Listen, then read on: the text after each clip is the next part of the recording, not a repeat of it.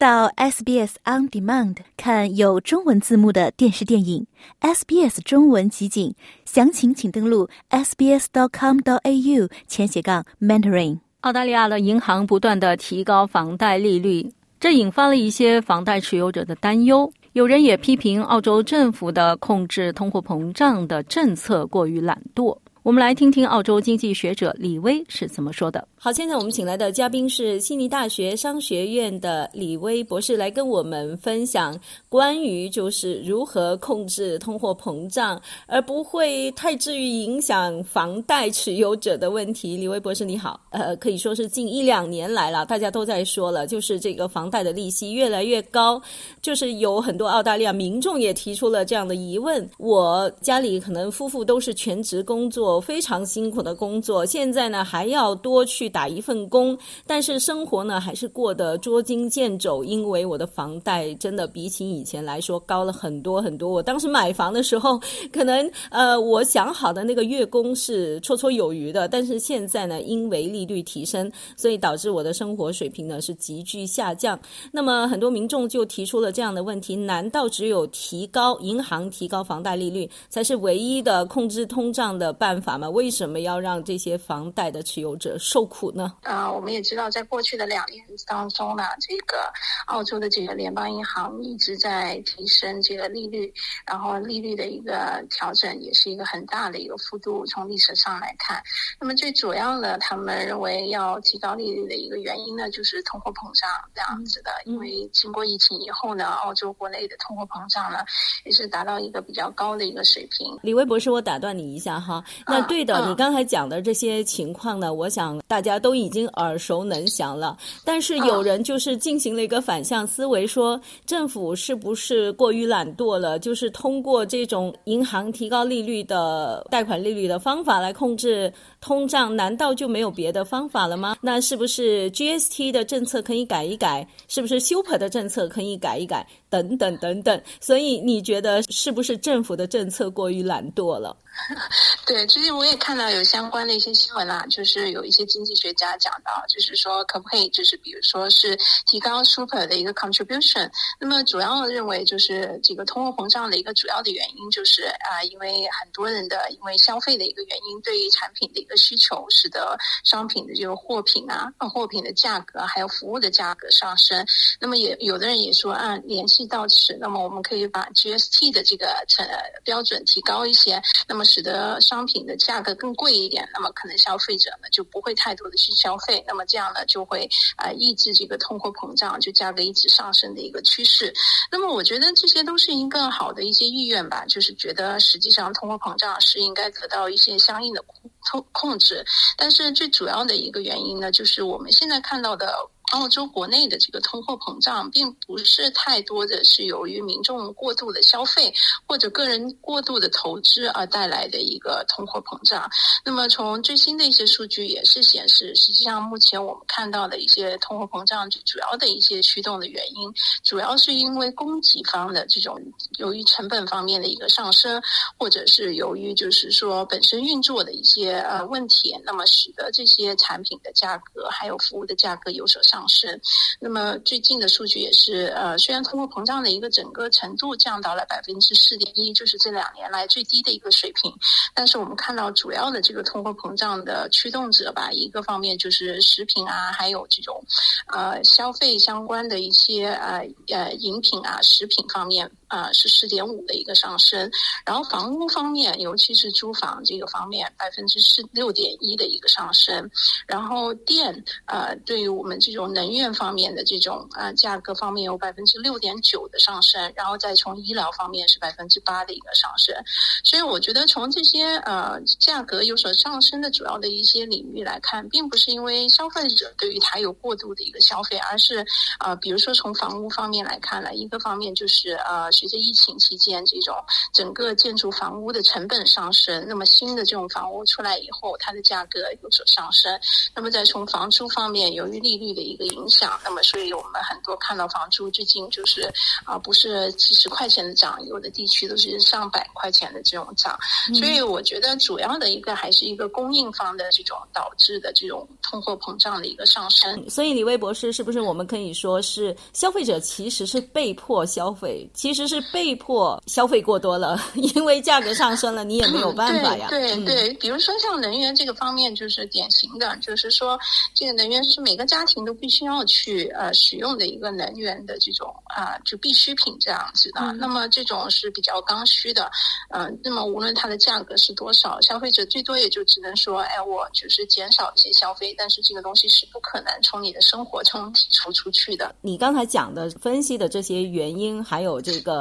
消费者所谓消费过热的源头，政府现在的控制通胀的手法，包括银行不断的提高房贷利率，是不是就是相对比较完美的应对这样的一个现象的措施，而不是跟 super 相关、跟 GST 相关等等呢？嗯，对，因为提高利率这个应该来说是传统的，就是各国的这种政府一概使用的这种啊，就是控制通货膨胀的一种方式。所以我们也看到，最近提高利率并不是从澳洲本土，就是单单一个国家，从美国，然后从欧洲大多数的国家，呃，这个利率的一直上升，也都是暂时通过各国政府，就是希望去控制通货膨胀，然后进行利率的一定的上升。当然，从这个来说呢，因为我们本身的经济的一个特色，特别是这种澳洲这个房屋的这种贷款，叫呃受到这个家庭的这种负债率是很比较高的一个水平，所以呢，我们看到澳洲这边啊一直在这个提高利率这个方面，其实受到了很多的争议，而且相对来说，澳洲的这个利率的上升跟其他的国家，比如说欧洲还有新西兰我们的邻居来比呢，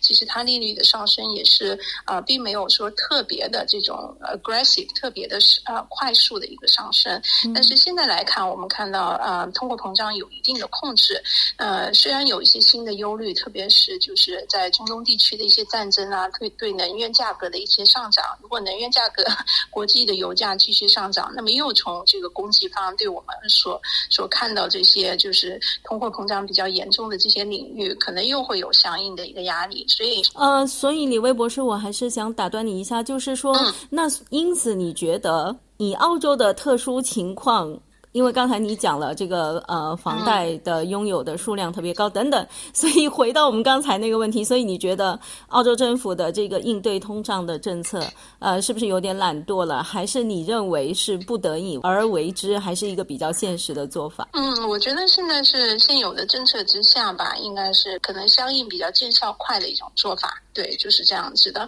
因为所谓的其他的这种改革啊，包括这种房屋方面的改革，或者说是。啊，其他方面对电电力市场的一些改革啊，各方面这都是需要很长的一个时间啊，通过立法的一种方式才能够完全的改革下来的。这并不是说政府马上能够就立竿见影的对通货膨胀啊能有一定的控制。应该利率来说，虽然说呃并不是一个最好的一种方式，但是它应该是一个比较快速的、比较立竿见影的政府可以调控的一种方式。呃，我还看到有一种说法，就是说是不是应该对银行征税？其实从我们的一个角度来说，呃，很多人认为对银行征税，主要是因为最近的这几个月看到主要的银行，实际上他们在整个的收入表现方面，啊，都是相对于其他行业来说好很多。但实际上，银行方面的征税也是，呃，就是它作为一个大的企业，在澳洲的这个经济体里面运作，它实际上它的交税也是符合就是现在的一些税收方面的一种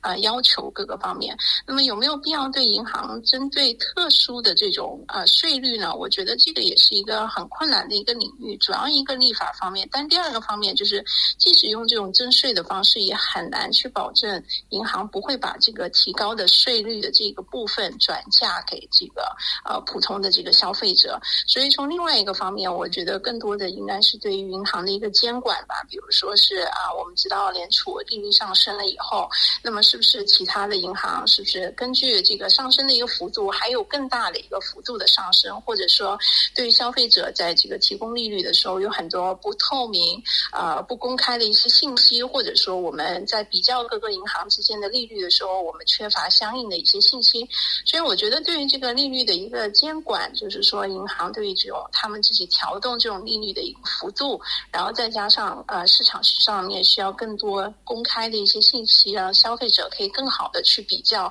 各个银行之间利率的一个差异，还有对对于他们本身是如何能够拿到一个更好的一个呃就房贷的一个 package 这些方面的一个信息，我觉得是非常重要的。嗯，那李威博士最后一个问题，你刚才讲到说，呃，其实呢，这个通胀率很高，是因为很多日常的消费品，包括食物、饮料的价格也很高。那最近呢，我们也看到在巨大的通胀压力之下，大家的生活成本增高，因此呢，引发了对这个大超市的一个调查。在这方面，是不是也可可以有一些举措呢？就比如说，呃，这个对大超市的调查，是不是就算是政府在应对通胀的这个政策的过程当中，有不断的调整政策，或者说关注到一些方面所带来的负面影响，所采取的一些比较积极的措施？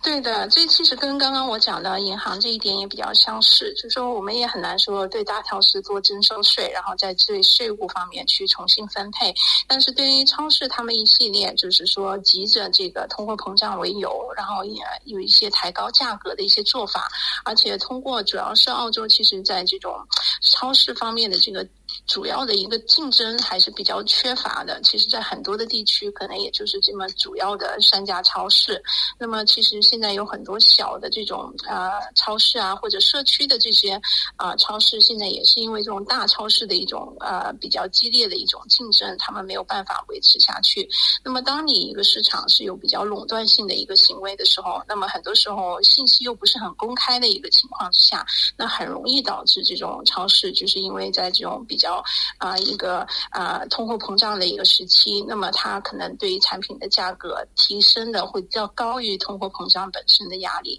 那么这个其实，在我们看到很多石油啊，还有天然气的一个领域，在过去的几年当中也是同样的一个情况。虽然说有一些石油天然气的这种啊危机在这里，但是我们看到石油天然气的公司它的表现都是非常的好的。所以我觉得政府在对这些大的这个超市的一种啊重新的一个审。审查的一个方式，对于他们在这个疫情期间，那么一方面也是接受到政府的一些补助，再一个方面呢，就是在这种价格方面的一种提升方面，有没有一个合理的一种提升？那么特别在小的超市在疫情当中没有办法运营的一个情况之下，他们有没有就是一个方面从经济的方面考虑，但是另外一个方面也是从社会责任的一个方面，有没有做更好的考虑？我觉得这一点啊是很重要的。那今天我们也非常感谢尼大学商学院李威博士的观点，谢谢你，谢谢。想在 SBS 当一回影评人吗？SBS On Demand 正在推送配有中文字幕的热门影视作品，